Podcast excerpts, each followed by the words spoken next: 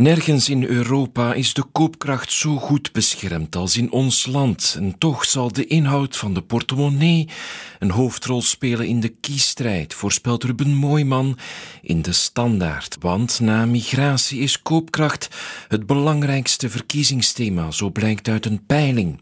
Voor politici blijft het dan ook een dankbaar onderwerp. Als het om de inhoud van de eigen portemonnee gaat, spitst elke kiezer namelijk de oren. In ons land is migratie geen detail en we zijn er helaas niet goed in. Maar de meest logische oplossing ligt in meer mensen doen werken, niet in grenzen sluiten. Want dan houd je ook de welvaart tegen, schrijft Bart Haak over dat andere verkiezingsthema. Het neemt ook stress weg uit een samenleving en het biedt een alternatief voor het Vlaams Belangvoorstel van een migratiebeleid dat deels onuitvoerbaar is en tot extra schade dreigt te leiden. Ook Liliana Casagrande weet in het belang van Limburg nu dat migratie het grootste probleem voor de Vlaamse kiezers is. Maar zijn mensen nu echt verontrust over die nieuwkomers of zijn ze dat over een samenleving die sowieso diverser wordt? Het antwoord is alvast niet te vinden in simplistische oplossingen, die werken toch niet. Niet een muur, niet het afkopen en niet het terugsturen. Wat nu in Gaza gebeurt is een bijna niet meer te vatten oorlogsgruwel, stelt Chris van Marsnille dan weer in de Gazet van Antwerpen.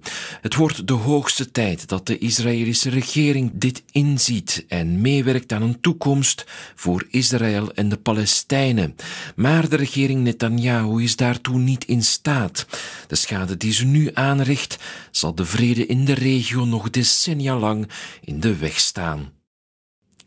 Een nieuwe dag, een nieuwe portie ontmenselijking in Gaza, zag ook Barbara de Busseren van de Morgen. Wie dacht dat in het conflict de limieten van de gruwel waren bereikt, zit verkeerd. Zo blijkt steeds weer opnieuw. We kunnen hopen dat de dood van al deze burgers in Gaza op zoek naar eten de druk op beide partijen maximaal verhoogt om de onderhandelingen over een wapenstilstand te doen slagen. In het laatste nieuws stelt Isolde van den Einde vast dat CD&V eindelijk de bocht heeft gemaakt in het debat rond euthanasie bij vergevorderde dementie. Dat dat debat zo lang is gemeden staat haaks op hoe de politiek elke fase van het leven in wettelijke regels wil gieten. Maar de politiek wil het dan niet hebben over het einde van dat leven, over het sterven, wanneer, hoe en op welke voorwaarden.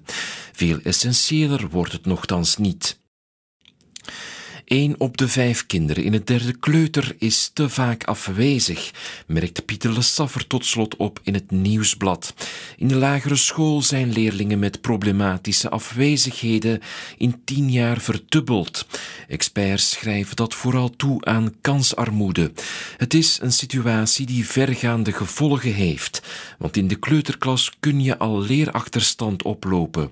Te veel wegblijven kan je dus nooit negeren.